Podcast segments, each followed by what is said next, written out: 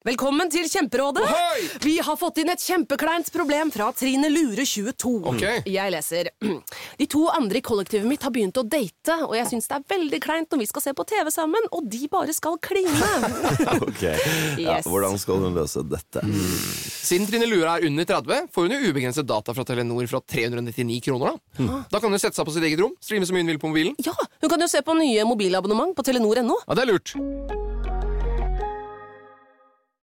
Det er en deilig følelse når noen tenker på deg. Men det er ganske deilig når noen tenker for deg også. Når du velger Kolonihagen, kan du være trygg på at noen har tenkt for deg. Dyrevelferd og ansvar er hensyntatt, og du kan bare nyte den gode smaken. Derfor har vi i Rema 1000 et stort utvalg av økologiske kvalitetsprodukter fra Kolonihagen til en lav pris. Rema 1000. Det er sluttsummen på valgene vi tar, som teller. Nå er det påskesalg hos Ark. Du får 30% på påskekrim og 40% på alle spill og puslespill. Jeg gjentar Ark har 30% på et stort utvalg krim og 40% på spill. Det er mye påske for pengene. Så hamstre påskekosen i nærmeste Ark-butikk eller på ark.no. Og jeg blir stående og tenke meg selv at eh, her, her er det enten eh, jeg bare kjører på, eller så dør jeg uansett, tenker jeg.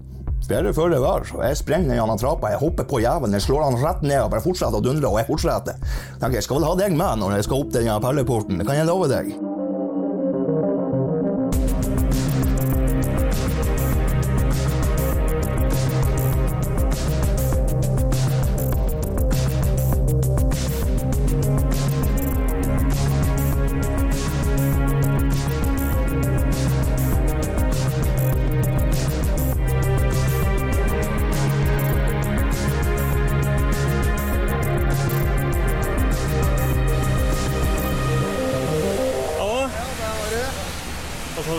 Problemer med å finne fram i Oslo? Så det tar en halvtime? Nei, nå må du gi Nei da, jeg har ikke det. Jeg har ikke det. Jeg har ikke det. Men du, Ja. første podkasten, det blir gøy. Ja, ta den på. Ja, på med Vi er i gang. Her blir... blinker det rødt og alt mulig. Du, jeg har lenge tenkt, det vet du jo, at uh, alle de historiene vi får høre når vi er ute på opptak, og som aldri kommer med i Insider-filmen, Ja. det er jo det vi skal dele nå. Har du laga podkast før? Aldri. Blir, Hvor vanskelig kan det være? eh, Hvor vanskelig kan det være? Sikkert veldig vanskelig, men vi gjør et forsøk. Men uansett. Tore Karlsen er jo helt naturlig å åpne med, da. Ja. ja. Altså, nå har ankesaken starta. Jeg dro for å høre på i går og ble for øvrig kasta ut av rettssalen. Kasta ut? Ja. Hvorfor det? Er noen som har stevna meg som vitne. Tenk deg, Jeg kommer da inn i rettssalen midt under rettsforhandlingene.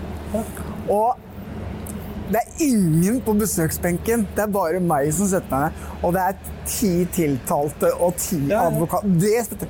Og så blir det helt stille. Så sier aktor «Eh, Lier kan ikke være her. Jeg bare uh, Why?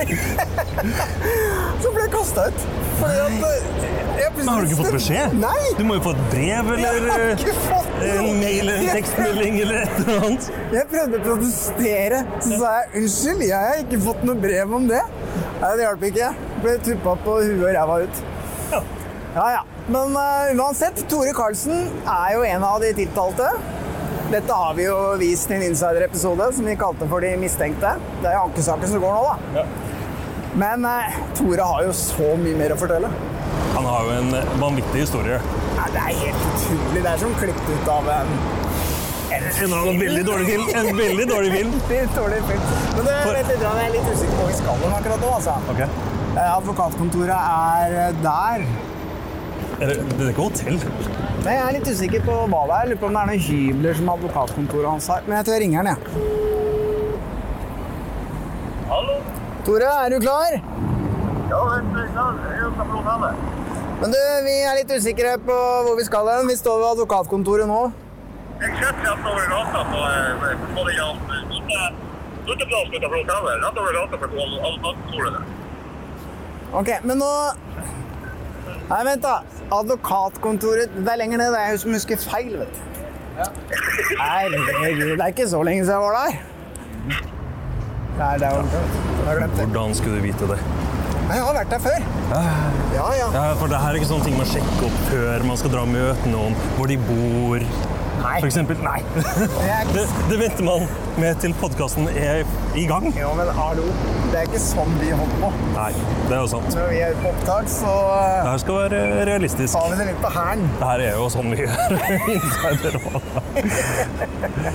Men ja, Tore. Vill historie.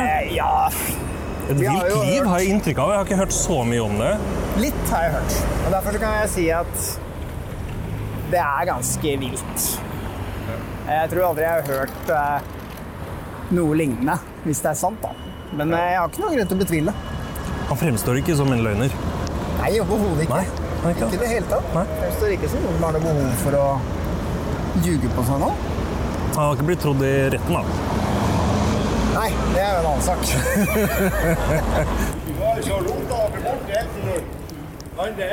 Det er, eh, Takk for det. det er ille, vet du. Nordlendinger er mer kjent i Oslo enn jeg som har født og oppvokst der. det er helt rått. Det er jo ikke lenge siden du var her, møtte meg. Nei, ja, det var jo Det var der, ja. Det var der, på andre sida av gata. ja. Det forklarer jo alt. Det forklarer Ja, alt. ja, ja, ja, ja. Siden. Går det bra? Yes, går bra. Det gjør det. Ja. Har vi hatt forklaringer i dag, og jeg, jeg var noe bekymra en liten stund, for jeg klarte jo å føre meg litt opp. Jeg måtte ta meg i nakken en tre-fire ganger i hvert fall, og virkelig varsku fra at her i alt på oppover bordet. Men hvorfor det? De kommer med Jeg vet ikke hva jeg skal kalle det for. Altså, samme spørsmålet syv ganger. De fikk svar hos meg på alle mulige måter for at jeg skulle prøve å forklare det sånn eh, enkelt at de skulle forstå meg oppi det hele. Og fremdeles så gikk det liksom en sånn spørrerunde hos alle sammen der alle kom med det samme eh, temaet, liksom. Så du følte at de ikke de trodde på det? altså? Nei, ikke at de ikke trodde, men jeg fikk jo følelse av at de ikke forsto hva, jeg- hva jeg mente. Ja, Men du snakker jo litt rart. Det er klart det jo Svaret på det er vel ganske enkelt. De ønsker at du skal si en feil. Noe Ja, som ikke samsvarer med en en tydelig Det er akkurat der jeg òg har vært. De ønsker at jeg skal gjøre den feilen. Jeg sier den feilen på en måte. Ja, og det har de faktisk eh, gjort veldig kjapt. For i dag Og her tutes det fælt, ass. Skal vi gå inn? kanskje? Jeg fikk en tekstmelding fra produsenten til Inside i dag med en sånn bilde hvor det sto Det har kommet brev til deg fra statsadvokatembetene. Så etter den eh, seansen i går så har hun vært relativt kjappe med å stevne meg. For det, jeg har ikke sett deg, men jeg så det lå på pulten min. Det har jo blitt gjort med vilje. Det er jo derfor du er blitt stevna inn som vitne. Det er jo for at du ikke skulle dukke opp i saka. Ja, for det er jo helt meningsløst. Jeg har jo ingenting å bidra med. Det var jo en spesiell måte de gjorde det på i tillegg. Jeg syns de var direkte frekke, det de holdt på der. Jeg ble helt sjokkert. Jeg sitter aleine på besøksmøte, og så bare Lyer kan jo ikke være her. Kanskje ikke de likte programmet vårt. Sannsynligvis. Ok, men Det skulle vi ikke se bort ifra. Skal vi se, vi skal bort eh, helt borterste gangen, altså til høyre. Ok. Så her ja, det er mange rom her, da. Er det sånn uh... Det blir jo sånn hvorfor det er så mange rom når du ser rommet, for det er ikke store smettender. Nei, det er ikke det. Der må man ut for å skifte tanker og i. Jeg vet ikke hva jeg skal kalle det. Og se her, ja. Det er som en sånn liten lugar. rett og Oi, det var Det det er altså garn på danske Nei, det er. Nå har jeg nettopp vært på Piratcruise på Stena Line, og det her er vel Dette var verre. halvparten av det igjen. Ja. Du, se på det her. da. Det her er det koselig. Det er koselig, altså. Det er bra, så gøy. Altså, bare ja, en liten beskrivelse her nå. Vi har altså en liten gang som er akkurat brei nok for meg, og jeg er ikke så stor. Og en seng. Ja, det, det var hele forklaringa. Altså en liten TV henger over uh, senga. Jeg tror ikke Altså- jeg skal kalle det for en TV. Det er jo mer en sånn mer... Monitor. Ja, Altså, du går rett på senga. Kan jeg se inn her, eller? ja, ja vær så god. så. Ja, ja. Ja, dusj, da. Du sitter jo med beina inni dusjen. Ja, ja. Yes. Men eh, det er ålreit, for da får du vaska beina. fotball samtidig. Tore, jeg tenker du skal få på den mikrofonen her. Ja, ja. Men det er veldig hyggelig at vi fikk lov å komme til ditt lille krypinn. Ingen problem, det. Skulle bare mangle. Du er klar over at dette er første episode i podkasten? Alt i orden. Det er, Altså, du er det, er jo, førstegjest, altså. det er jo et privilegium i seg sjøl. Det er faktisk det. Nå må du oppdatere Facebook-statusen din. Ja, det begynner, nødt. Begynner å nærme meg kjendisstatus nå, gjør jeg ikke det? jo. Men hvor lenge skal rettssaken vare? Eh, Jeg mener de har satt eh, til slutten av juni, tror jeg det var. Så du skal bo her i to måneder? Eh, Ja, ganske nøyaktig. De sender meg jo hjem i helgen da. Så jeg drar jo oppover på fredagene, og så kommer jeg nedover på mandagene igjen. Ja, så du får en liten pause i helgene. Men eh, du driver jo som stel- det lurer jeg på, for du, du er jo selvstendig næringsdrivende nå. Ja. Du har jo kjøpt deg fiskebåt. Ja. Båter. To stykker. To stykker. Men er ikke du litt avhengig av å være ute og fiske da? Får Jo, egentlig så er jeg jo det, så jeg har ikke kunnet kjørt det, det her i gang foreløpig helt. Jeg har båtene stående klare der oppe. De ligger til kaia og ferdig fiskeriregistrert og hele greia. Men har du råd til å jobbe to, altså ikke jobbe i to måneder? Nei, overhodet ikke. Men Det får du noe kompensasjon for det, da? For ingenting. Det er det som er så skummelt oppi det hele. Den dag i dag så har jeg ei inntekt gjennom sosialkontoret på ganske nøyaktig 10 000 kroner i måneden. Og Da må man trekke jo ifra husleia på 6 500, og så kommer strømmen på 1500. Det Så det sitter ikke igjen med store greiene der. Akkurat råd røyk? Så har du jo da skal reise opp og ned Oslo her att og frem, og mat og sånt blir ikke dekka. Det er kun hotellopphold og fly som blir dekka. Og så sier de at mat må du jo ha uansett. Det måtte du jo ha spist der oppe òg. Ja, det, det er greit, jeg måtte ha gjort det, men der oppe har jeg jo mulighet til å kunne tjene til den maten sjøl. Her nede er jeg fastlåst i retten. Jeg kan jo ikke tjene til ei krone der. Ja, hvordan har du tenkt å få det til å gå rundt? da? Jeg kan ikke få det til å gå rundt.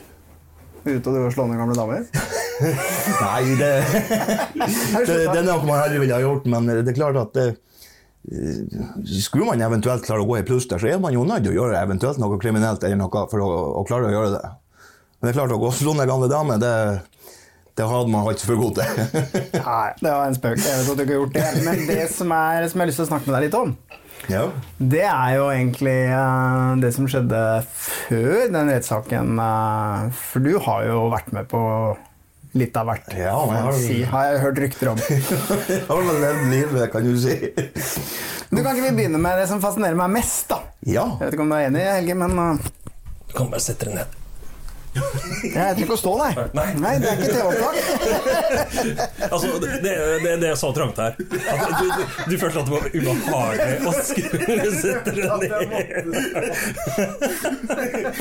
Altså, vi, vi, våre knær inni hverandre nå. Ja, faktisk. Det, ja, det er såpass intimt, vet du. Det, det må man bare tåle, det. Men det er jo veldig koselig. Men vi, så for oss sånn Ja, han har sikkert noe kaffe å by på. Eller. Ja, vi, vi, vi har kaffe nede i resepsjonen, eller det tror jeg nok, men uh... Det kan vi ta etterpå. Men tilbake til eh, Jeg har jo hørt og, og lest litt om eh, dine tidligere eskapader. ja. Og Det er vel ikke sånn som de aller fleste sydenturister holder på med? Nei, det, man kan jo si det sånn at en vanlig mann i gata ville nok ha sagt at eh, han der, han, det er ikke teknisk mulig.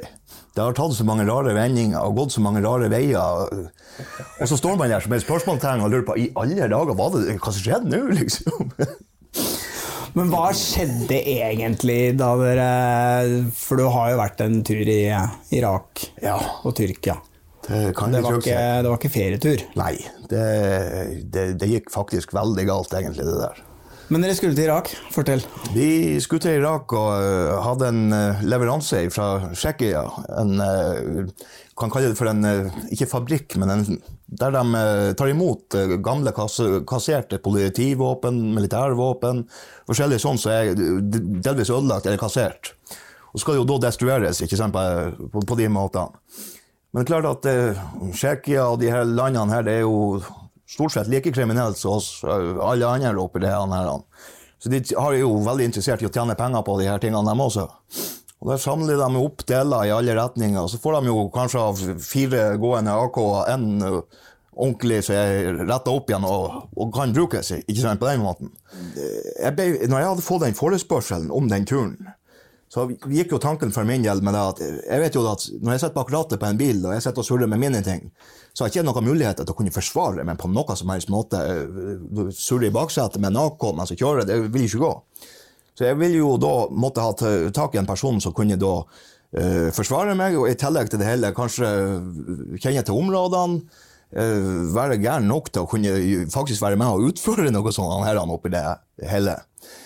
Eh, jeg spurte vel en par-tre plasser i Arendal så jeg brukte Jeg hadde jo et veldig omgang i det miljøet der.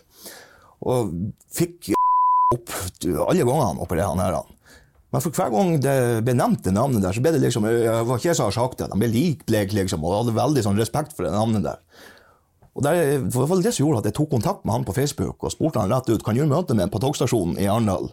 Og så tar vi oss en prat. Jeg trenger hjelp, skrev jeg bare til han. Eh, hva han la i hjelp i seg sjøl, det vet jeg ikke, men jeg tror han var så nysgjerrig der og da at han kom direkte til togstasjonen og møtte meg den kvelden nede i Arendal. Eh, vi begynte å prate, jeg forklarte han litt angående situasjonen, og han ble mer og mer tent. Det var som å se flammene bare tok fyr i hele mannen oppi det hele. og vi, vi, gikk bare rett og slett som hann i hanske bare plutselig, og før vi visste ordet av det, så var vi på tur til Tsjekkia. Vi ordna til med to lastebiler, så vi tok da skapet, eh, eller kapellet bakpå, og bygde en sånn eh, lettvegg. Så det ble da en eh, halvannen meter helt innerst med selve hytta, så da ble det et stort rom i seg selv. Så ble det liksom på en måte skjult, liksom. Og så fulgte vi det opp. Det var jo alt fra san sanitærutstyr, det var minerydding, det var skuddsikre vester. Vi hadde eh, mat og proviant med forskjellig sånt. Til sammen så hadde vi vel 500 000 skudd AK-47, granater og det meste. Eh, AK-47, pumphagle. Eh, Ja, det var, det var et godt arsenal, for å si det sånn. Jeg var rimelig imponert selv over det arsenalet der. Og eh, eh, fikk pakka det hele rett og slett i bilene begynte å kjøre av gårde. Jeg kjører jo da en BMW, en svart en, 520D, så det var. Men jeg må lov jeg må nesten stoppe deg litt der, for dette her er jo helt Altså, du befinner deg i Tsjekkia. Da befinner jeg meg i Tsjekkia. Har kjørt opp til Tsjekkia fra to lastebiler fulle av våpen, ammunisjon, granater. Yes. Og så skal du kjøre til Irak. Hva går gjennom hodet ditt da? Så livet mitt var gått til helvete. Narkotika, alt mulig. Alt gikk ned på høykant. Eh, Den dama som jeg var i lag med da, hun hadde jo eh, direkte revkjørt meg på alle punkter oppi han herren. Så jeg, jeg var rimelig kjørt og langt nede i den tida. Så jeg fant jo egentlig ut at eh, for min del så gjør det jo ikke noe. Skulle jeg nå bli skutt i Irak, så er jo det ok. Og blir nå ikke skutt, så er jo det ok det også oppi det hele. Så jeg, man hadde vel ikke noen mer verdier igjen, og så var det jo ei spenning i det hele. og klart, Adrenalin jeg har jo vært adrenalinjunkie så det har stått etter i alle år. Kan jeg hoppe i fallskjerm, så hopper jeg gjerne til og med uten fallskjermen. Sånn har jeg liksom bestandig sett på det. Bare for å få de få sekundene som er med adrenalin, det kicket som man kan få der. Det er klart, vi var til sammen involvert i de her 23 stykker som var ganske nær på den turen her. Alt fra sjåfører til venner som bodde der nede, og så, så hadde vi den saka å gjøre i utgangspunktet. Vi fikk fulgt de ordentlige bilene og kjøre av gårde. og det er klart, de hadde jo advart oss allerede nede i Irak mot at det, det eneste plassen dere kan frykte på oppi det hele, det er rett og slett Tyrkia. For det er et problemland når det gjelder det meste. Blir dere tatt der, så er dere fucked, og kan ikke vi hjelpe dere. Eh, Og dermed så hadde vi jo veldig konsentrasjon på akkurat det der med Tyrkia. Vi kjørte jo gjennom både Serbia og Tyrkia. Eh, på tur fra Silopi og skal over da grensa til Sinnak og komme inn til Irak. Så klarer man på en finurlig måte å eh, kjøre feil. Så jeg ender da opp med å kjøre inn grensa til Syria. Vi blir vel uh, høvelig så stoppa et lite stykke lenger inn og får beskjed om det at uh, her er det ikke plass for noen som helst. Det er ingen som får komme inn liksom, foreløpig, og de vil se papirer. Og, og jeg prøvde liksom å forklare at vi, vi skulle til Irak, og ja, dere er liksom i totalt feil land. Dere er i Syria nå, så da må dere bare snu og komme dere tilbake. Og vi snur og kommer oss tilbake igjen. Og når vi da kommer inn til Irak, og vi har forklart guttene det at uh, det her det holdt på å ta av, vi endte jo opp, vi var jo inne i Syria for svarten. Så sier han ene karen at er dere klar over men den lasta dere hadde med dere inn til Syria, dere har vært skutt for sola, har vært gått ned i det hele, og det står ingen som har eh, tenkt tanken engang. Det har vært dødsstraff tvert, sier han. Klart, det tenkte jøss, ja vel, det, ja ja, ok, mulig, mulig det. Jeg, jeg skal ikke se noe på den, altså. Men hvordan, det jeg ikke forstår, hvordan kjører man inn i IS-okkuperte Mosul og ut igjen med hodet på plass? Om å gjøre å være frekk, vet du, så klarer man å gjøre det Ja, Verre. Ja, men du må jo bare... Hva, hva, tenk, hva tenkte dere? Tenkte du at nei, vi bare kjører inn vi, fordi dette går fint? Ja, ikke riktig helt, men jeg, jeg tenkte med meg selv at eh, hvis jeg kommer kjørende, så er jeg rimelig eplekjekk og rimelig høy i, i pæra, for å si det sånn. Så vil de sikkert tenke at jøss, det er en sånn jævla rikmann som kommer pompøs enn faen. Det er bare å få det han karen videre. Svart BMW. Ja, det, det, det kan jeg love deg. Sånt Du, du, fungerer. satt, du altså. satt ikke og så ropte Allah akbar og Nei, nei, nei, det, det, det, det, det, det ville være andre ganger. Så det- Dette her var jo da Det var på noe av det heftigste i den krigen. Og du har lest på nyhetene, du har fått med deg hvor ille det var, men likevel så setter du kursen nedover. Det er klart eh, Jeg hadde jo flere, flere av mine barndomsvenner der nede. og eh, Jeg har bestandig vært sånn at eh, har jeg en god venn oppi det hele, så Jeg tror ikke det er grenser for hva man kan egentlig gjøre oppi det hele for å kunne forsvare noe sånt. Men på inget som noe helst tidspunkt så tenkte du kanskje vi skal liksom stoppe på utsiden av Mosul, og så kan de komme Nei, Nei, dere bare kjørte Nei, nei, inn i vi, kjørte, vi kjørte rett gjennom IS-okkuperinga. Direkte to lastebiler fulle av våpen. Nei, når vi kom til Sirnak, så fikk vi problemer, for det var jo veldig dårlige veier videre. Det var jo bomba alt sammen. Eh, Så vi, vi kom jo òg i et bakholdsangrep der den ene lastebilen ble gjennomholdet av metraljøsskudd blant annet. Den ene lastebilen. Ja, og sjåføren i den ble jo skutt og drept i tillegg. Ingen av oss kunne kjøre lastebil. Vent, vent, vent litt sånn. Altså, den ene sjåføren i den lastebilen ble skutt, ble skutt og og drept drept. Og du satt i den andre, da, eller? Nei, jeg kjørte fremdeles den BMW-en. Jeg var kun eh, Jeg leda jo ekvipasjen, kan du si. Altså, vi kjørte fremst for å finne ut er det tjukt. Eh, Møter vi på noen Uh, Hvis vi ble stoppa, så visste jo de andre ok, nå det, har ikke de tatt kontakt med oss, nå er de blitt stoppa, så da stopper bare vi før at vi kommer dit. Og så venter vi bare. Det er klart at det er mye enklere at de stopper meg og den BMW-en uten noe som helst fare, og vi finner ut av det der enn at han hadde stoppa lastebilekvipasjen og funnet de tingene der, for da hadde vi seg vært skutt. Så det var jo ei sånn lita sikkerhetsforetak som vi tok der og da. Hvor langt i forveien var den BMW-en i forhold Nei, til vi de Vi lå vel en, nesten en time, tror jeg, i forveien, faktisk. Ja, ja. Og, Så du, du eh, så aldri det her? Ikke at det skjedde, nei. Nei. nei. nei, Vi fikk bare en telefon om det fra den andre lastebilsjåføren der, at eh, nå er det skuddveksling på gang, og det, det ene ut av lastebilene er blitt stående. Så jeg vet ikke hva som har skjedd, jeg tar ikke å kjøre tilbake, liksom. Og da ble det jo en sånn liten Skal vi kjøre tilbake, og skal vi ikke kjøre tilbake? Men det er klart at det er jo mye verdier. Vi hadde kommet veldig langt på den ruta. Det ville vært jævlig å avbryte hele greien bare for tull og vas, liksom. Så vi måtte kjøre og sjekke igjen. Og vi kommer tilbake, så er den jo totalt gjennomholda, den lastebilen der, for å si det sånn.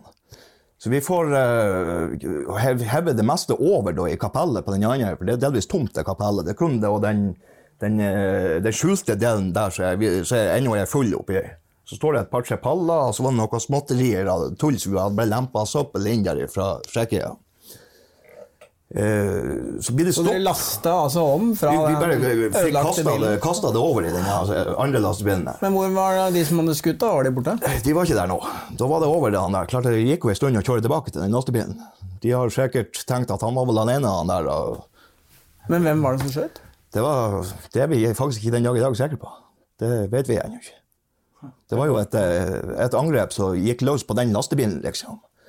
Men det er klart at når vi da kom helt inn til, til der vi skulle innover mot Mosul, så var vi jo nødt til å ta eh, egentlig veier som var da for å kunne gå til fots. Altså, man kunne nesten ikke kjøre der. Så det her, her må- måtte jo lastes over i tre ut av de sauene som de hadde, de sånne her Bjørn eh, kompisene mine. Det var to av disse brønnene her hadde biler sjøl, og så hadde de en tredjepart inne i bildet, så da kom kjørende i tillegg. Så vi hadde tre sauer som vi lasta det over i. Og så kjørte vi firtrekkere det resterende veien inn til Monsel. Hva skjedde med den sjåføren? Eh, På i lastebilen. Han var ikke mer å Der var det dødt, for å si det sånn. Så han ble sittende igjen der bak rattet på den lastebilen der, der vi for. Men eh, det, der, det var dødt, for å si det sånn. Det var ikke noe mer å hente der. Det var helt game over. Men så dere mye til IS, da? Vi så vel egentlig ingenting til IS i seg selv. Altså det, men eh, i selve Irak og Mosul og det, han det virka for min del veldig fredelig. Jeg trodde at det her var som skulle være på film. Det her var det skyting og action hele veien. Men jeg, jeg kan ikke si at jeg hørte så mange skudd i selve Irak. Men på um, hjemturen, når vi hadde levert de her tingene, da begynte man å oppdage hva som egentlig foregikk. Når vi da kommer til grensa, så får vi beskjed om at eh, de anbefalte oss å holde oss i Irak inntil videre, for det var unntakstilstander i Tyrkia. Eh, grensa inntil da Sinak Silopi over der var det full kæla for at den statsoverhoden, statsministeren som var der, eh, hadde erta på seg halve eh, Tyrkia, og dermed var alt av ungdom og demonstranter gått i hop og kasta molotovbomber og satte fyr på alt, så de var steinegale der inne. Men var dette da eh, rett og slett når det var sånn kuppforsøk i Tyrkia? Stemmer. Så timinga di Den kom midt i det der. var at du liksom krysset inn i Tyrkia etter å ha vært i Mosul akkurat under det kuppforsøket? Yes, og det verste ut av alt er at jeg og han vi kikker på hverandre, jeg flirer, og så ser jeg med han eh, irakeren som står der og prøver å advare oss mot å fare inn til Tyrkia igjen. At, ja, jo bare tull, vi kommer jo akkurat fra krigen. Det kan ikke være noe verre enn det det er, liksom. Og han flirer litt, og så sier han nei, nei, du, du vil ikke over, sier han til meg.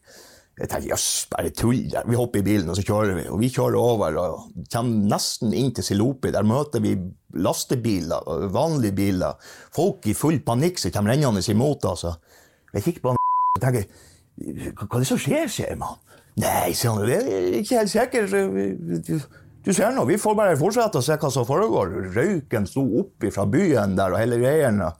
Når vi da begynte å nærme oss, så kommer det en hel sånn folkeskare med mennesker imot oss.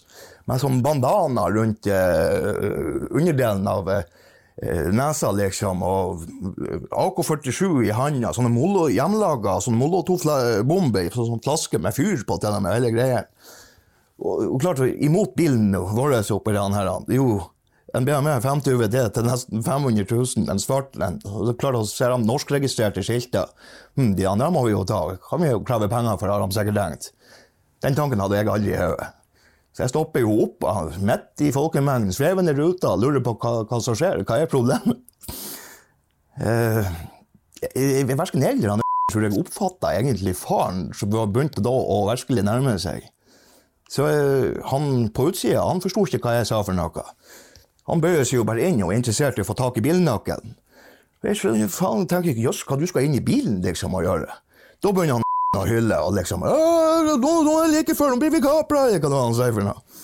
Og får helt pekeren han setter i setet der. Og du skjønner det at eh, Da begynner det å gå opp for meg hva som egentlig er på tur å skje oppi det hele. Så jeg får tak i hårtorva på karen der. Og så får jeg gitt gass på, på bilen mens jeg får han i, i revers. Det er jo som tiptronikkasse på det her. Noen får han jo ikke tak i, for noen den putter du jo inn i dashbordet på den her for å kunne bruke startknappen. Så kan du starte den. Det har jeg ikke han vært klar over. Så, så imens jeg prøver å holde han fortvilt der, klart han hadde AK-en da imellom bildøra og seg sjøl, så han kom ingen plasser. Og man måtte jo rygge bakover mens jeg rygga. Jeg tenkte jøss, hva i alle dager gjør jeg nå? Slipper jeg han, og så skyter han meg. Så du holdt den i håret mens du hadde ikke noe valg. og pressa våpenet ut i bilen? Ja, klart, for den, det gjorde han jo sjøl med vekta Ja. si. Og dermed så får jeg rygga for eh, snudd av gårde. Og klart at den folkeskaren som var rundt det han her, han, de så jo hva som foregikk med han, og de trekker seg jo litt tilbake, for eh, de vil jo ikke at han skal ha noen problemer der. Og så husker jeg jeg får sette han i, i drive den her, og gir full fetting på den her, og tenker nå slipper jeg bremsa, så må jeg bare kakke til den her karen eller et eller annet, så skyter han oss. Så jeg, jeg får kakka til han og liksom ut, og så belmer vi av gårde på det her, innover da tilbake mot eh, den grensa som går over til Irak, liksom. Så fortsetter vi oppover nordover mot en by som heter Batman, et stykke oppover der. Der tar det altså helt av. Hele byen står i brann. Totalt hele byen. Det ligger bildekk og brenner over veiene. Eh, Folk er helt rapegale. Handlevogner som står krøller overalt. Bilvrak som er utbrent. Eh, Det, det så rett og slett ut som et nedslagsfelt av ei, ei bombe, hele greien oppi det hele. Da får vi jo høvle sånn panikken, så vi klarer å ende oss inn på ei sånn eh, liten fjellvei. Der vi er inne gjennom en grusvei inne gjennom langt oppi fjellene utafor Batman der. Eh, her eh, kommer vi nesten opp i altså, Det virka så fredelig, og det var helt Det var ingen, ikke ei buske å se eller noe, nesten sånn ørkenlignende. Det gikk sikkert en tre-fire timer, den turen der, før at vi ender opp i et veikryss. De det gikk sånn halvveis ut med asfalt den veien, og de gikk sånn eh, Jeg vet ikke hva jeg skal kalle det for.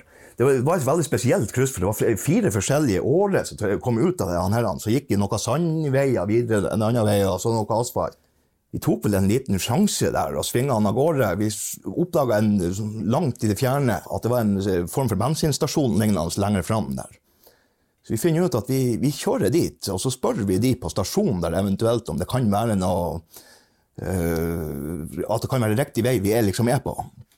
og vi utga oss jo selvfølgelig for å være tyskere av alle ting. Og du skjønner det at eh, jeg kunne ikke tysk. Det er jo noen tyskere som driver den der, men det viser seg jo at han ene prater litt tysk. Han har jo tydeligvis en bror som bor i Tyskland. Eh, Her hiver plutselig fyren seg på telefonen og ringer til broren sin som er i Tyskland, liksom, og forklarer ja, to tyskere her liksom, på stasjonen. Og eh, plutselig så får liksom jeg telefonen i hånda og skal prate med den broren hans. Og jeg tenker, jeg kan ikke tysk, hva i helvete gjør jeg nå, liksom? Jeg kikker på han, og han kikker nå på meg, og han, jeg visste jo at han kunne jo en del tysk oppi det hele, så jeg gir jo bare telefonen til han og tenker, prat med han du, liksom. og det gikk jo ikke lange tida for at de gjennomskua hele den der. han. Problemet ble jo at når det, alle disse på den stasjonen der, under den tilstanden de befant seg i, oppdaga at vi hadde løyet om akkurat den der tingen, så ble vi plutselig en hva hva jeg kan kalle det for? eh, De, de, de begynte jo å lure på om vi var etterretningsagenter eller noe eh, verre enn det, liksom. Eh, Så vi ender opp med å bare hoppe rett i bilen, og så spinner vi av gårde derifra, og så motsatt vei, og innover mot eh, det vi tror da er Skedsme. Vi tar heldigvis riktige veien. Vi ender opp nede i Skedsme, nede på fergekaia der. Jeg er høvelig svett og stressa og totalt ødelagt. Jeg er så sulten og holder på å dø der jeg sitter og kjører. Eh, Litt mer eh, jeg, tror han hadde sovet litt, så han var litt mer klar i, i, i toppen der. Eh, da står vi liksom parkert helt inntil et fortau. Da går jeg altså ut av bilen og i, i bagasjerommet på han skal hente jakken min, jeg hadde jo tatovering, alle så jeg ikke skulle se så kriminell ut. og, og herselig. Eh, her er det altså kuldehold over høyre baklykt på bilen. Hadde han vært millimeter høyere opp, så hadde han gått rett inn i cockpiten på bilen. Er sikker på at en av oss har hatt de kulden der i ryggen, for å si det sånn. Det, hva tenkte du da? Det, det gikk stort sett bare kaldt ned året, men jeg tenkte det at det, der, der har liksom oss, og det, den har flaksa opp i det hele. Samtidig så det er uflaks midt i det hele. Altså, vi står midt i demonstrantangrepet der, der klarer vi å skal gjennom. Det hagler med kuler, og kulen går millimeter ifra oss, liksom. Ennå da så er det Vi klarer han, liksom. Vi står han av oppi det hele. Men fikk dere, fikk dere betalt for denne jobben, eller var det bare Altså, frivillig dugnad? jeg, vi fikk betalt for den. Jeg, jeg fikk betalt for den min del, og fikk vel for sin del, ja. Eh, nå er det jo ikke enkelt å få tak i kontanter i, i det landet i seg det, de, jeg fikk jo spørsmålet fort om jeg hadde mulighet eventuelt å ta det imot i, i eh, hvordan kan man si det? Potenspiller da, i seg selv. Eh, ja. Og eh, jeg hadde Vil du ha cash eller potetspill? Ja, ikke rett Det så. Men skjønner du at tror jeg, i- Riktignok begynner vi å dra på åra, men eh, Nei, nei. du trengte vel ikke Nei, nei, nei, nei overhodet ikke. 8000 Sånne, så, så, sånne som potenspillere det har jo vært et veldig ettertrakta middel i narkomiljøet i seg selv. Helt hvorfor det er jeg ikke helt sikker på den dag i dag, men det er noe som virkelig selger over det hele. Men hvor mange potenspiller snakker vi om her? 91 000 stykker.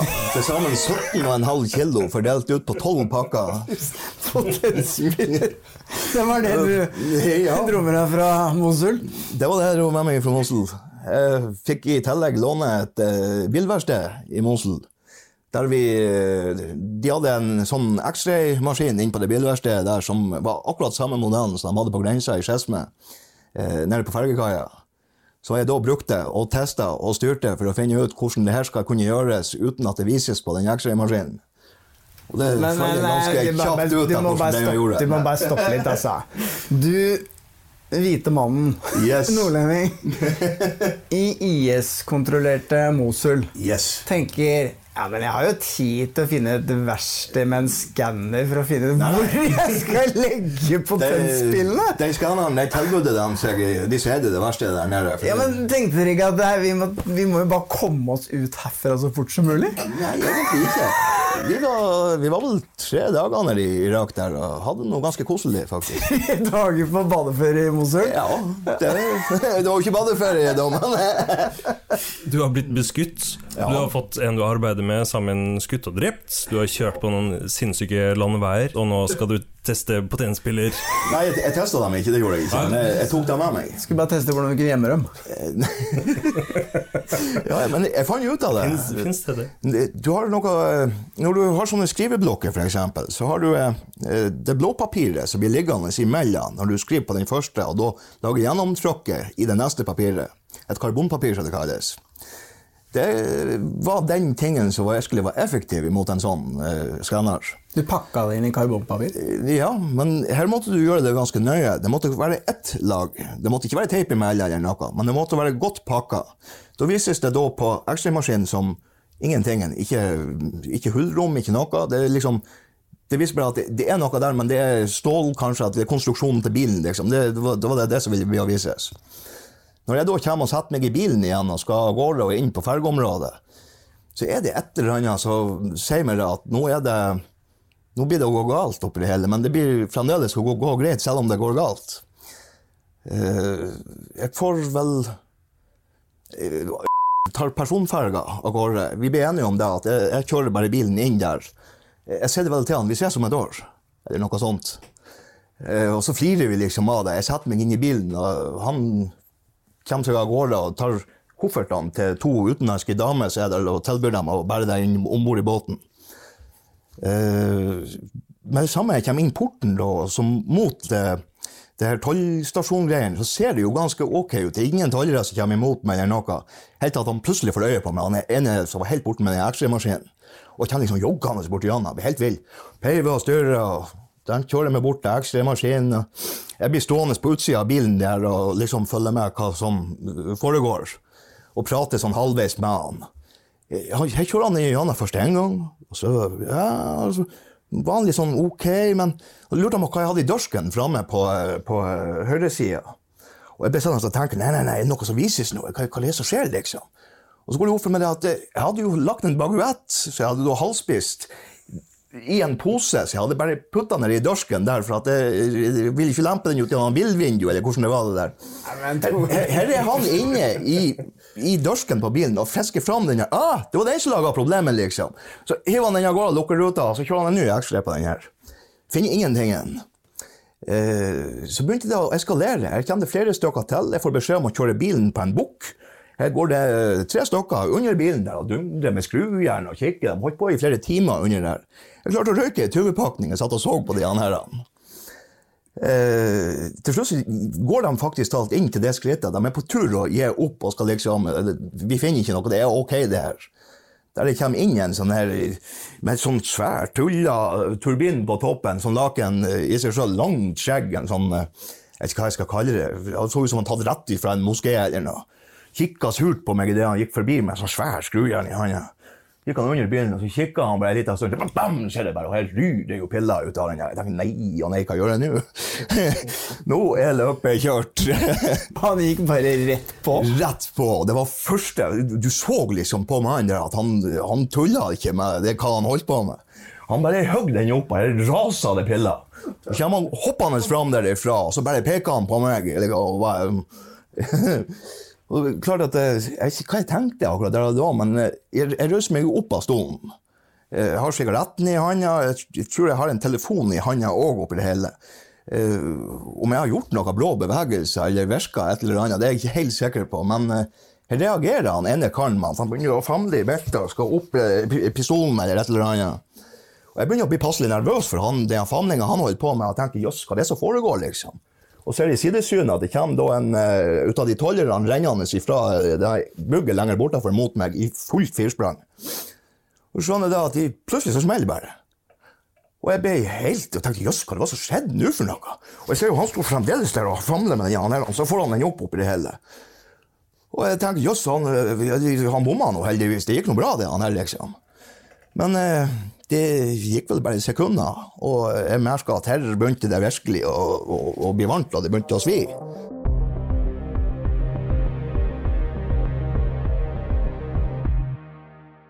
Kjære AI-assistent. Jeg sliter med å sette av tid til å følge opp kundene mine, og nå har de søren meg sluttet å betale. Hva gjør jeg nå?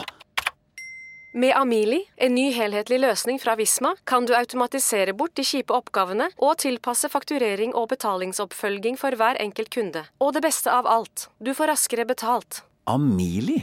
La meg sjekke. Amili.no.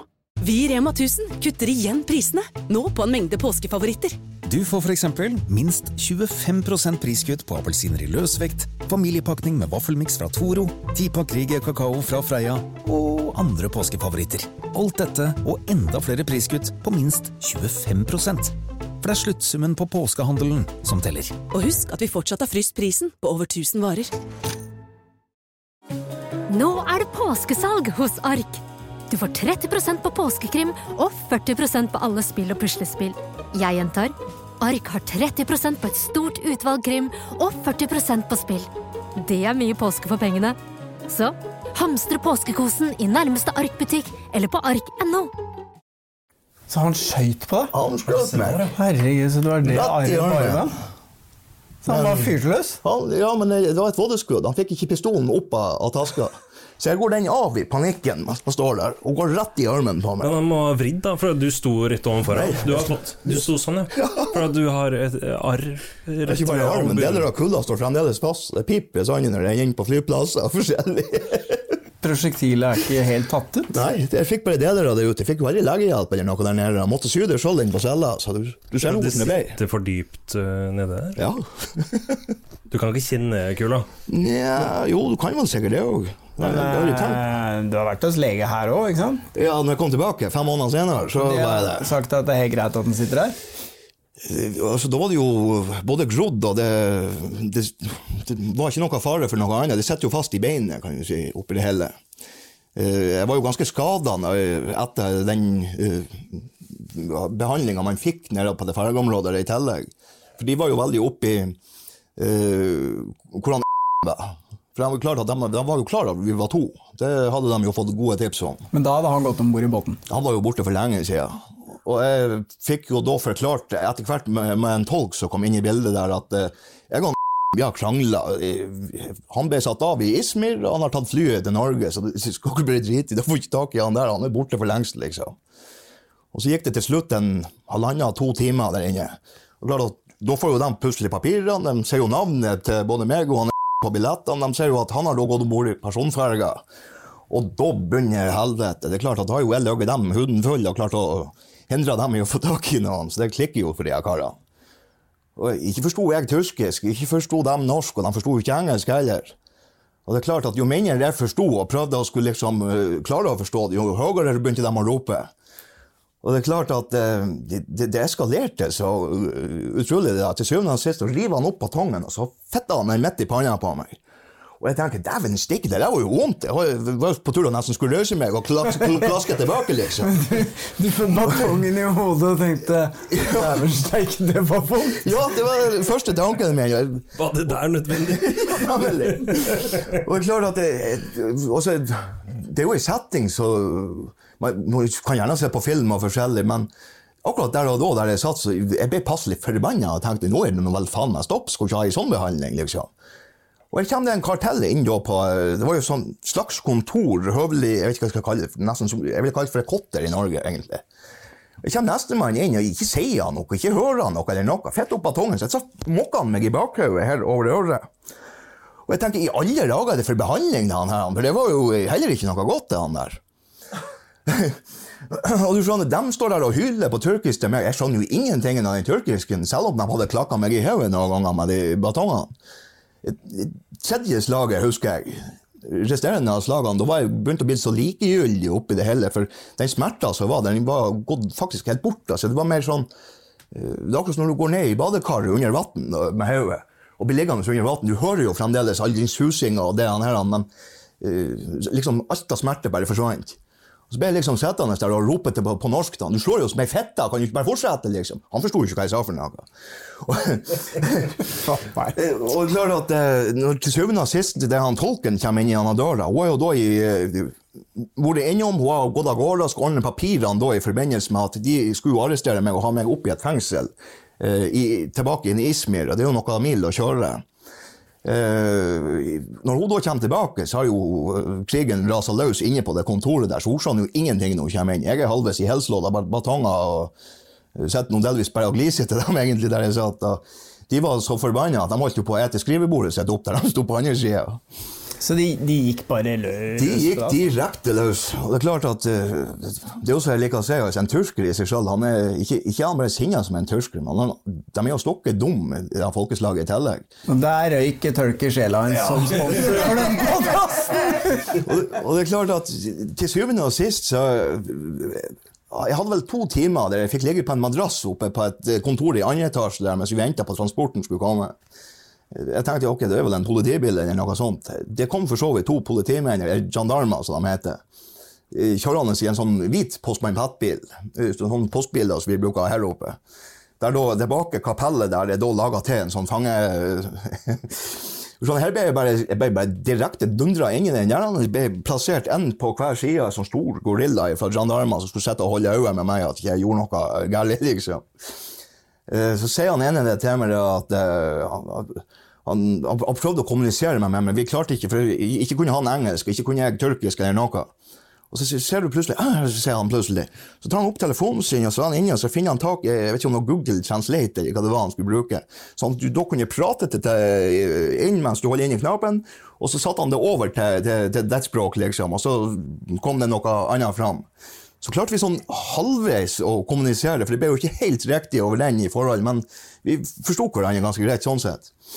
Der han sier det til meg at uh, dit du skal nå, der, uh, der er det ikke helt greit å være. Det vil... Uh, han, han syntes synd på meg at jeg skulle opp i det fengselet der og alt mulig, for det var et av de verste som var å komme i, og alt mulig sånn her.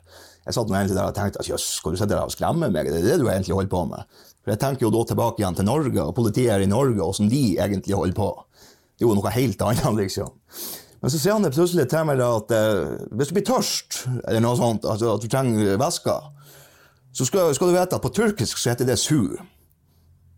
Og så tenkte jeg meg selv at jeg skal, jeg skal, jeg skal lagre det i bakhodet. Su, ja. Su. Og så dyrepark eller noe sånt der, tenker jeg oppi det hele. Og klarer da å få memorisert det der. Og så su betyr vann. Og så sier han det til meg at og trenger du mat, så heter det jemek. Fester nå seg det også. Hvorfor det fester seg, det vet jeg ikke. Jeg for min del har bestandig vært sånn at færre på butikken skal kjøpe melk, jeg har fått en lappe om å kjøpe den melka, så kommer jeg hjem med hele butikken, for utenom den melka. Den har jeg selvfølgelig glemt, selv om jeg hadde lappen på den. vet du. Og det er klart, Men de, de tingene begynte å feste seg, og så sier han det til meg at uh, blir det noe bråk inne i fengselet, eller noe sånt, så måtte jeg aldri bruke bannskap eller sånne ting, for det var imot Koranen og, og deres religion og de her tingene. Klarte egentlig å, å, å på den tida fra Sjesmia til Ismir å gjøre meg sånn høvelig klar til å komme inn på ei celle der. Med sånn basic ja, Uh, hun Tolken hun sitter framme i lag med han, han, som kjører bilen, men det er klart, de får ikke vi kontakt med, for det er jo gjennom det her kapellet og ut liksom på andre sida. Så når vi da kommer til politikammeret, altså der rett før fengselet, så får jeg prate med henne. Hun har da klart å samle sammen det hun har av penger. Uh, hva hun sa til meg, at jeg har ikke så mye, sier hun oppi det hele. Hun hadde både unger, hun hadde, var gift og hadde gubbe og hele greia. Men jeg, jeg, følger med deg oppi det hele, sier hun til meg. Jeg har selv vært i delvis den samme situasjonen. Det var bare at det var uh, hasj inne i bildet, og moren min var med, og vi var arrestert i Frankrike, sier hun til meg. Og Jeg skjønner den situasjonen så veldig. Jeg vet hvor du skal alt. De her pengene trenger du sårt, sier hun til meg. Jeg jeg, prøvde jeg å forklare jeg kan jo ikke bare ta de pengene hos deg. Den stakkars lønna som hun har i Tyrkia, var sikkert ikke store greier. Men uh, hun tømte så kontoen sin. Hun stappet det i lomma på meg og varsket ifra at jeg måtte bare prøve å gi henne det tilbake. Uh, de pengene berga livet på meg i hvert fall tre ganger inni det, på den cella, for å si det sånn. Det var, jeg tror det var 300 tyrkiske lire til sammen. Det er ikke så veldig mye penger, men uh, det er noen hundrelapper på norske kroner, for å si det sånn. Det, det, det, er det. Men klart at når jeg da kom inn på cella, så går det jo plutselig opp for meg at der inne var det ingenting som gikk an til å få verken mat eller vann eller noe. Der måtte det kjøpes. Og det måtte kjøpes i en sånn kantinevogn som kom forbi døra en gang i uka. Så kom jeg inn på en tirsdag, og kantinevogna kom forbi da For på dagen i forveien på mandag. Så måtte jeg vente til neste mandag for at jeg fikk den kantinevogna. Det var ingen som brydde seg om noe i mellomtida. Jeg hadde ei halvannenlitersflaske med vann med meg inn der. Eh, Jeg hadde 300 turkiske lire. Eh, mat eller noe sånt var ikke aktuelt å få tak i. De fleste inne på cella der var jo til og med i søppelbøtta og spiste opp den maten som var der, for det var jo mye av de her som var fattige folk i, seg sjøl. Og det er klart at eh, Sengeplass var det for lite i tur. Det var noe du virkelig måtte slåss for å kunne å få en madrass eller en plass å sove. Liksom. Hvor mange var dere inne på cella da? 150 stykker. På én celle? På én celle, ja. 150 stykker Yes. i én celle? Hva, hva er en celle? Hvor stor er den? Kan du beskrive? Ja, det var jo Men sammen kom inn på cella, så det eh, Vi kom inn i en sånn lang korridor i det her fengselet når vi kom inn i inngangspartiet. Der det var rosa halvveis opp på veggen, så var det hvitt liksom resterende. Eh, ledninger og alt sammen sånt, det hang og dingla. Det var sånn eh, eh, Jeg tror det har vært et gammelt kloster tidligere, den her. Uh, alt av elektrisitet det hang liksom, og det så jo ikke trygt ut i det hele og det store. Eh, Vi ledes bort gjennom den gangen der det var døl på døl bort gjennom. Jeg skjønte jo eh, etter at vi har gått bortover der at han her var jo da inntil sånne celler i seg selv. Og det var jo store ståldører. Og så kom du liksom bortover, så var det sånne stasjoner der det var eh, sånne koksovner som sto. Der de eh, satt to stoler på hver side av den her koksovnen, og så satt det som regel to vakter der og fyrte de av ovnene og hadde det varmt og greit og fulgte med. var noen som prøvde å rømme liksom derifra. Eh, så liksom leder de meg bort gjennom hele den korridoren. Den eneste døra så har en sånn svær sånn der gittersystem med sluse og forskjellig for å komme inn i. Der skulle de liksom ha meg inn igjen. Klart jeg blir sluppet inn i den ene delen av strusa, så lukkes den igjen alle veier. De står jo der liksom og, og roper og hyller på tyrkisk. Jeg skjønner jo ingenting, men jeg forstår jo at de skal ha meg til å gå, liksom. Så jeg fortsetter jo bare. Til syvende og sist er jeg da gjennom den strusa og inne med døra.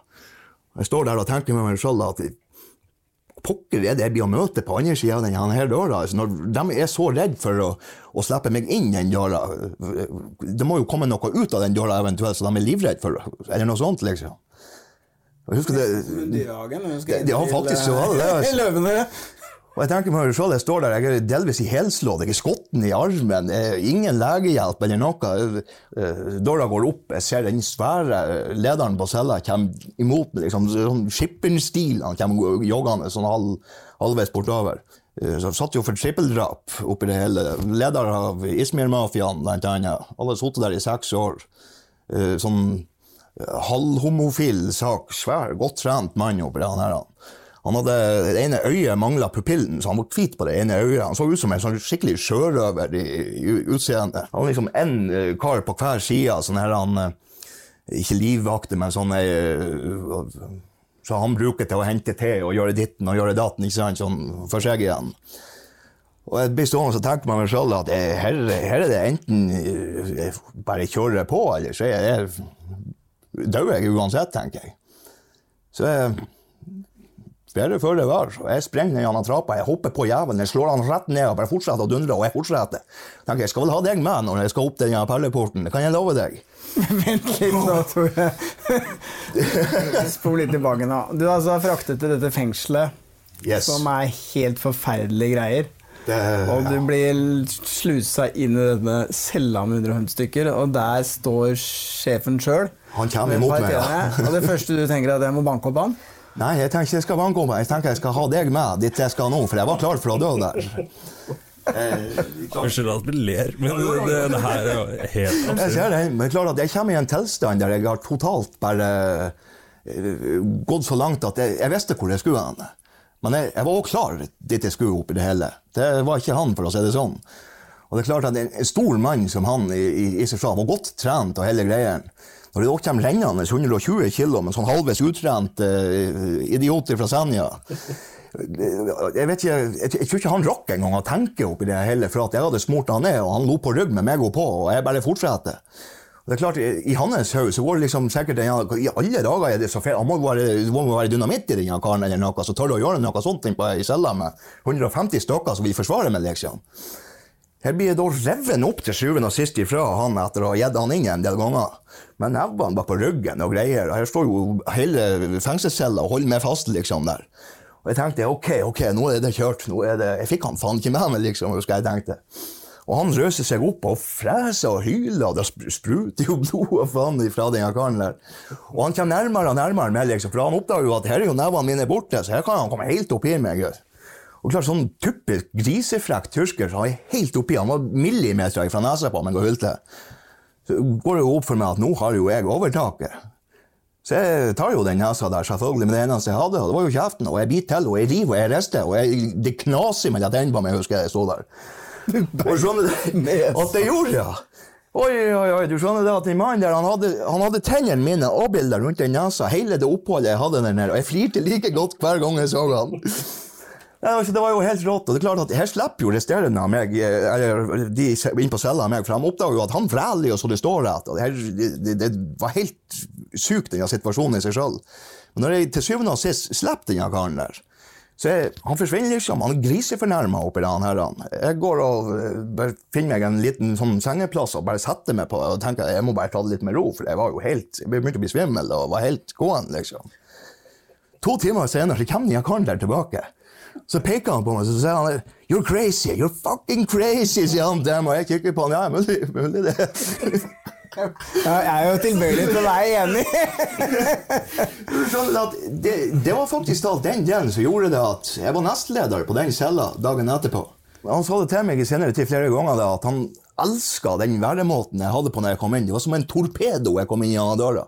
Han forsto ikke hva som skjedde for han oppe på gulvet der oppe i det hele. Jeg tenker jo med meg selv at han blir å gjøre noe, og det hadde han blitt òg hvis ikke jeg hadde blitt og reagert der og da. Og det er klart at uh, Senere denne kvelden her så skrev jeg faktisk alt testamentet mitt oppi det hele, og hele greien. og jeg var bra sikker på det, at uh, ble jeg ikke drept av de inne på cella, så ble jeg å dø av de skadene som jeg hadde allerede. For jeg, var jo, jeg hadde jo sprekk fra panna her oppe, og delvis helt til bakhodet. Uh, jeg merka jo på kroppen at jeg begynte å bli svimmel. Jeg mangla blod, blant annet, hele greien. Jeg hadde jo, blødde jo ennå fra skuddsåret. Uh, jeg husker jo bare at jeg bekka meg tilbake i denne senga. Jeg visste ikke om det var min seng eller noe det hele, men her sovner jeg av en liten stund. Hvor lenge det er jeg ikke helt sikker på, men når jeg våkner, så er jeg liksom halvveis ute av senga med ansiktet vendt nedover mot marska, eller mot uh, gulvet. Så ser jeg liksom en sånn delvis blodpøl under senga. Jeg tenkte jøss, har, han drept han som har ligget her tidligere, eller, eller noe sånt? Og så begynte jeg å bevege meg og se, da sitter jo delvis senga i, fast i meg igjen. Og oppdaga at det, det, er jo meg det har rundet i tur i disse timene jeg har ligget og sovet. Og det er klart at eh, det skal da renne igjennom madrassen og hele greien, og pent å bli en god pøl under gulvet, så er det jo bra mye blod du har mista oppi det her. Og, og, eh, men den stemninga som blir der når du er sånn på tur, og du vet du er på tur og skal rett og slett av gårde, og alt det der, det ville jo jeg ha trodd at jeg ville bli fått panikk oppi det hele. Men det ble bare roligere og roligere, mer og mer behagelig. Akkurat som hadde fått i meg uh, smertestillende i seg selv. Jeg ble trøtt og døsig. Og så begynte det å gå opp for meg at gjør du ikke noe nå, så er det ikke noe vits i å prøve å gjøre noe senere, for da er det, da er det over, liksom. Jeg husker det at Her satt jeg de andre karene på senga litt lenger borte der og drev på og sydde sånne uh, med sånne pittersmå sånne perler og laga sånne han, uh, bilder av forskjellig. Og det, det var noe jeg fant ut i senere tid, at det gjorde jo alle inne på det fengselet. der, De storkriminelle djevlene. Forskjellige kvinnfolk Ja. Det var liksom håndarbeid som Ja, faktisk. at jeg, jeg, jeg ser jo nåla, jeg ser jo tråden. Jeg tenker meg selv at jeg, jeg, må, jeg må bare gjøre noe. Jeg er borte, og så peker jeg, og så, du, og så tar jeg ifra nåla og så tråden. liksom, Jeg må låne han, og så og jeg er borte. Begynte å gå sur på det han der greiene for å prøve å stoppe blødninga i såret. Og jeg så jo han reagerte jo noe så helt veldig der borte på hva jeg satt og holdt på med oppi der. Og prøvde og jo da, sier jeg, og jeg fortsetter. Jeg kjente jo ikke noe pga. adrenalinet som pumpa i kroppen, så jeg fortsetter jo å sy på det han her.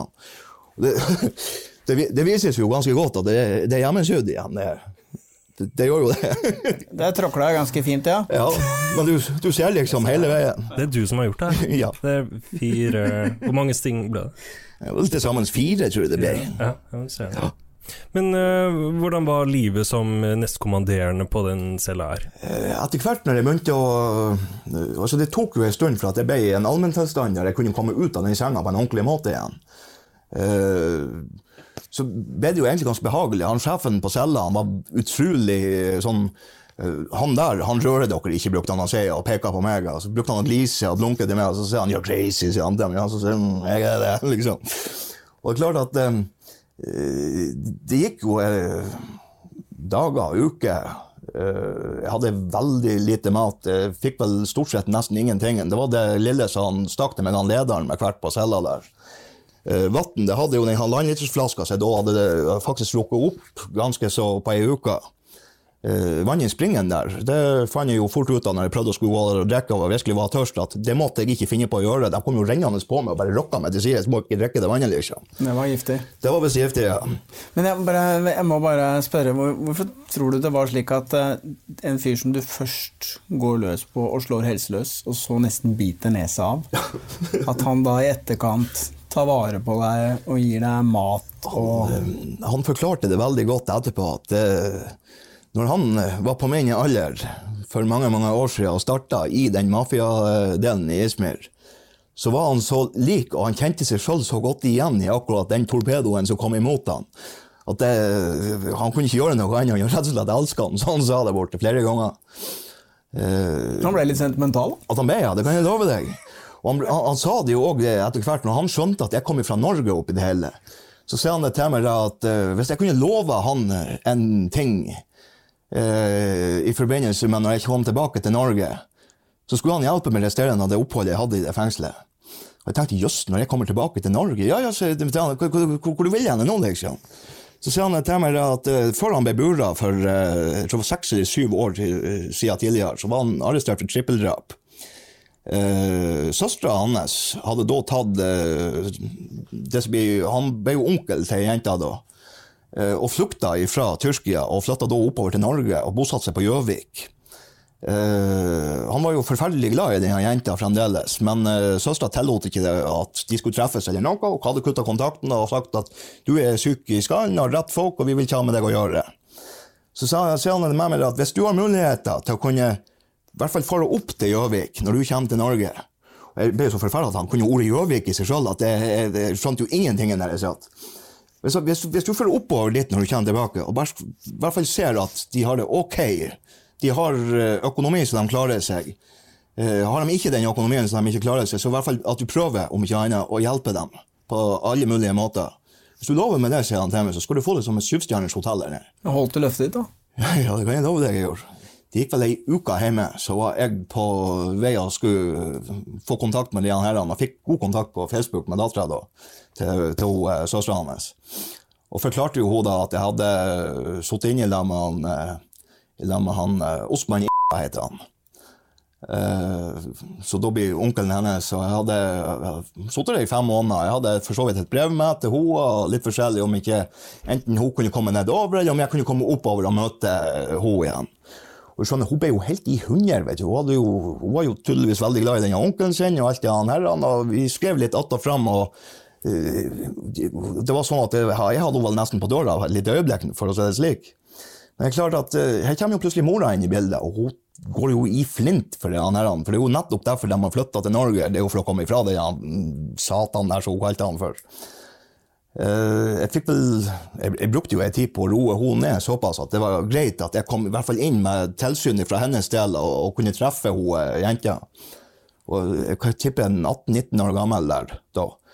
Jeg finner jo ut at de har jo ikke bare godt med penger, de har veldig godt med penger. Hun jobber for og det er en kjempestilling der. og Dattera gikk på skole, og de hadde fint hus og hele greien der. Jeg får overlevert brevet. Mora jo rokket de tornellene på meg og går gjennom det først. Og så, ja, og så, okay, og så gir hun det til dattera, liksom. hun kunne få lov å lese det.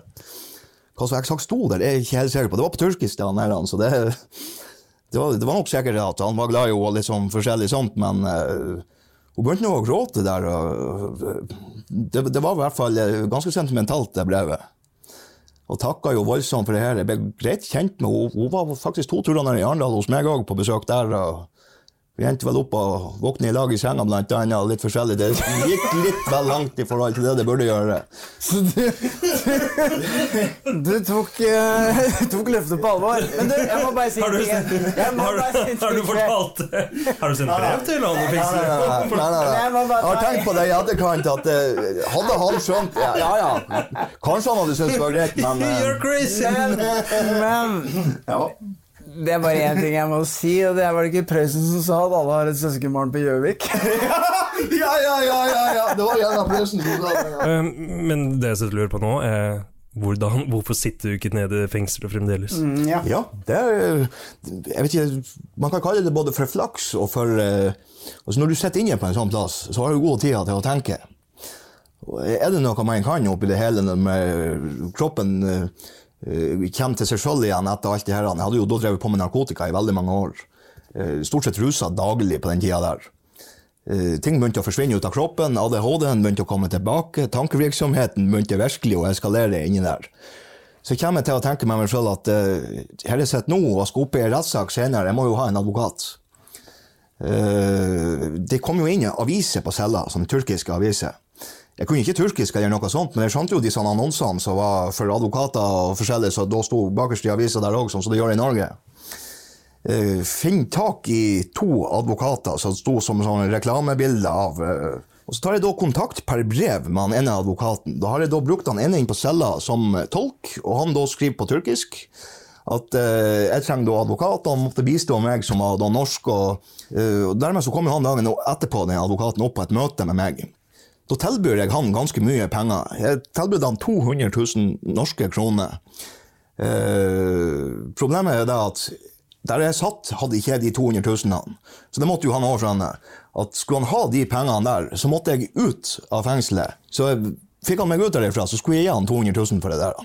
Og det klart, Du så jo dollartegnene, bare rulla i øynene på han. vet du. Han, han takka ja til det her, og jeg tok han som advokat.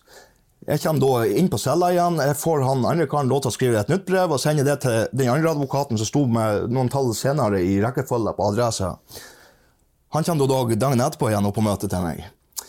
Jeg tilbyr han da 10 000 lire. Det er vel en eh, 30 000 kroner, tror jeg det. Det er ikke store greiene i hvert fall. Det er sånn spot i forhold til 200 000 eh, for å være advokat. Og han blir jo helt overlykkelig oppi det hele. Jeg skjønner jo etter hvert at 5000 var evig nok, og kanskje 2000 hadde vært det òg i tillegg. Så kommer jeg inn i denne rettssaken. Jeg kommer opp fra ei celle. Jeg har sittet og venta i i lag med masse sånn i underetasjen av det rettshuset. Og minusgrader inne på den cella der, da.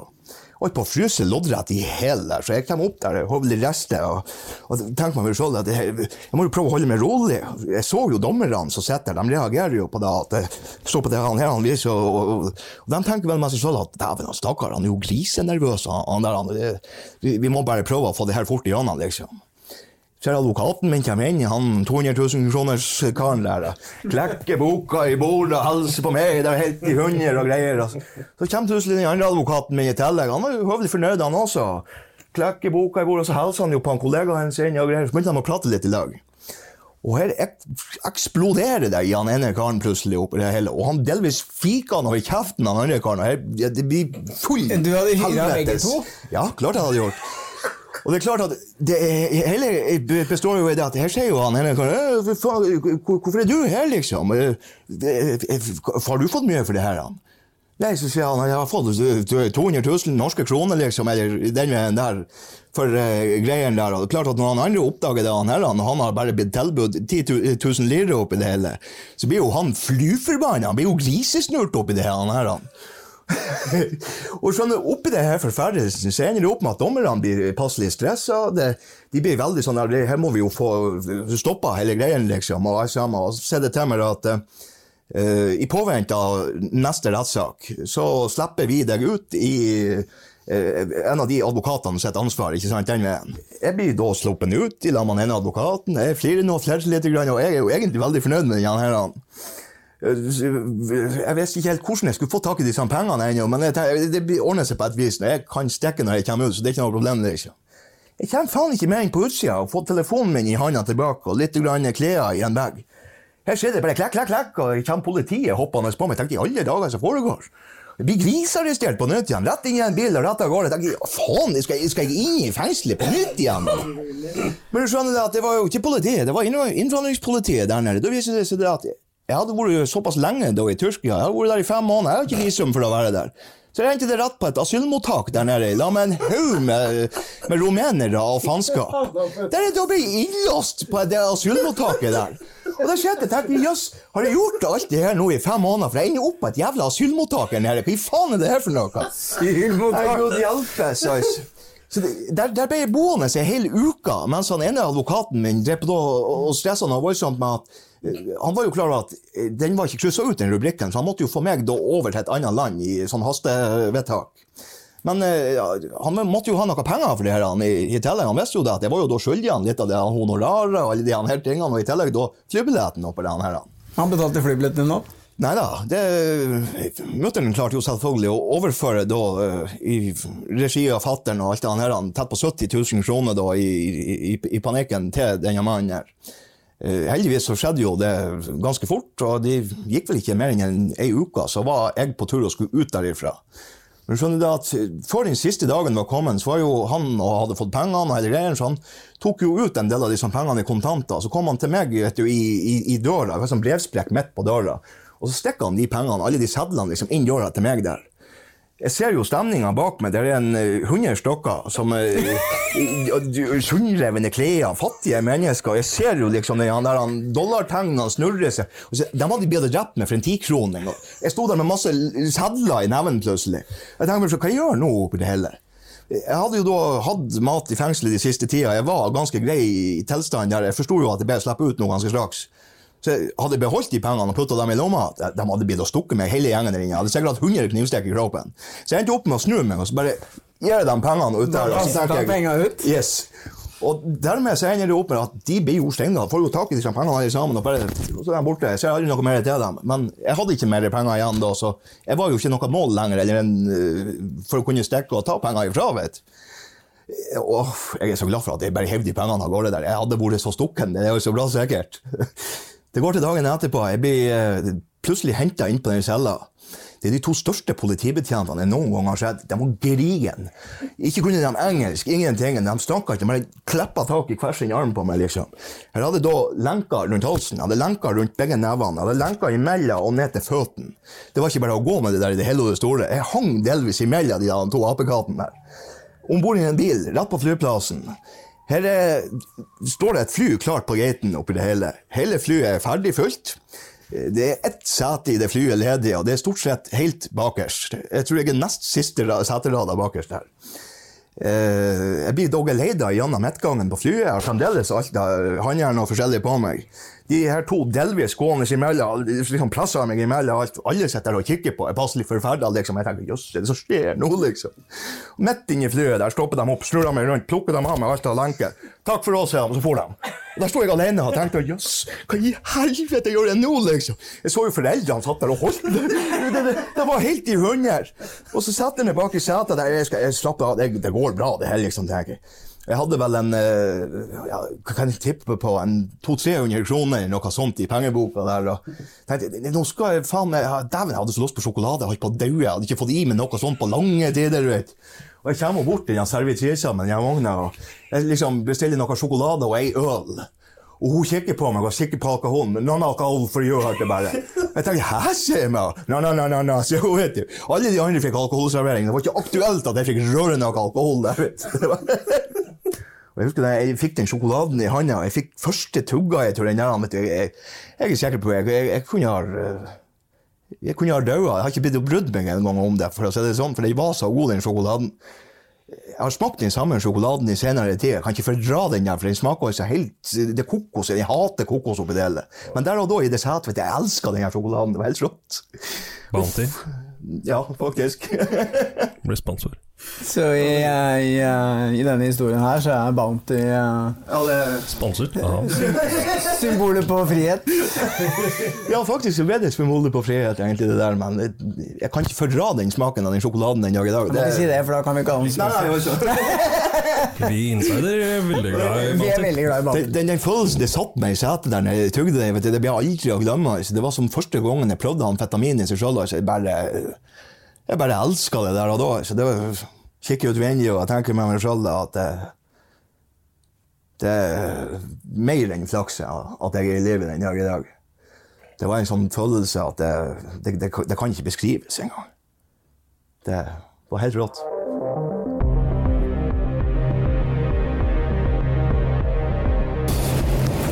Oi, oi, oi, oi. Det er, eh, En karakter. er en karakter, altså. Hva han har vært med på. Og det er jo som han sier, at det er jo et under bare at han lever i dag. Det er jo det. det er, altså, han kunne ha vært drept titalls ganger. Og at han slapp levende ut av det fengselet i Tyrkia, det er også et under. For et sykt liv.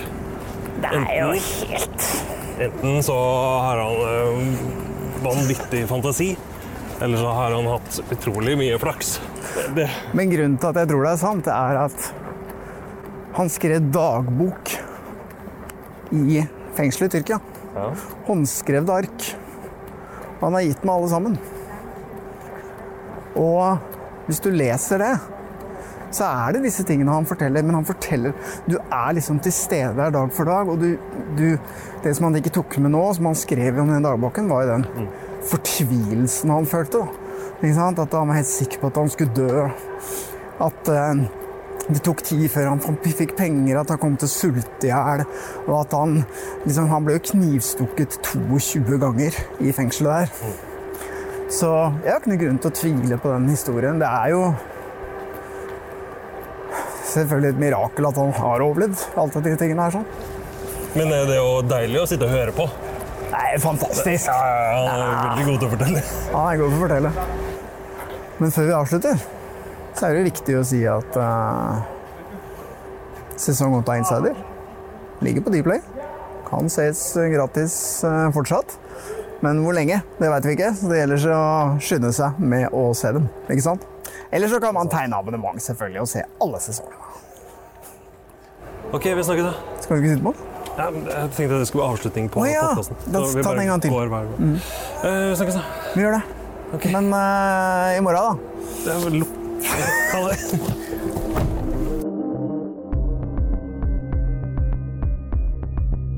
Avhørt er produsert av Batong Media, og all musikk er laget av Georg Roås. For å komme i kontakt med oss, gå inn på Facebook-siden Batong Media.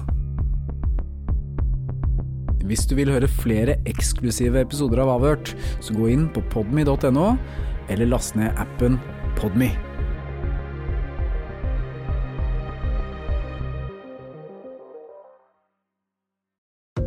Et godt råd fra Apotek 1. Når du skal kose deg i solen, er det viktig med god solbeskyttelse. Hodeplagg og skygge hjelper, men vi trenger også solkrem. Vi har ansiktssolkremer tilpasset ulike hudtyper. Har du f.eks. tørr, fet eller normal og kombinert hud, finner du solkremer spesielt tilpasset deg og ditt behov. Kom innom og få råd på ditt nærmeste Apotek 1, eller chat med oss på apotek1.no. Apotek 1. Vår kunnskap, din trygghet. Sektoralarm presenterer Barn som lyver om nøkler. Men mamma, jeg var jo bare ute med Emma, ikke sant? og så la jeg nøklene mine sammen med den brødskiva på den stubben, ikke sant? og så kommer det en rev, og den bare spiser både brødskiva og nøklene, og så sprang den bare sånn kjempefort rett bortover. Jeg klarer ikke å løpe etter, jeg kan ikke løpe etter en rev, liksom. Kan ikke det. Akkurat nå har Sektoralarm kampanje på boligalarm og dørlås med kode istedenfor nøkler, slik at barna alltid kommer hjem til en trygg bolig. Les mer på sektoralarm.no. Vi i Rema 1000 kutter igjen prisene. Nå på en mengde påskefavoritter. For eksempel kutter vi minst 25% på gourmetstykket fra Hatting, 150 gram bacon fra Nordfjord, rett i koppensuppe fra Toro og andre påskefavoritter. Alt dette og enda flere priskutt på minst 25% For det er sluttsummen på påskehandelen som teller. Og husk at vi fortsatt har fryst prisen på over 1000 varer.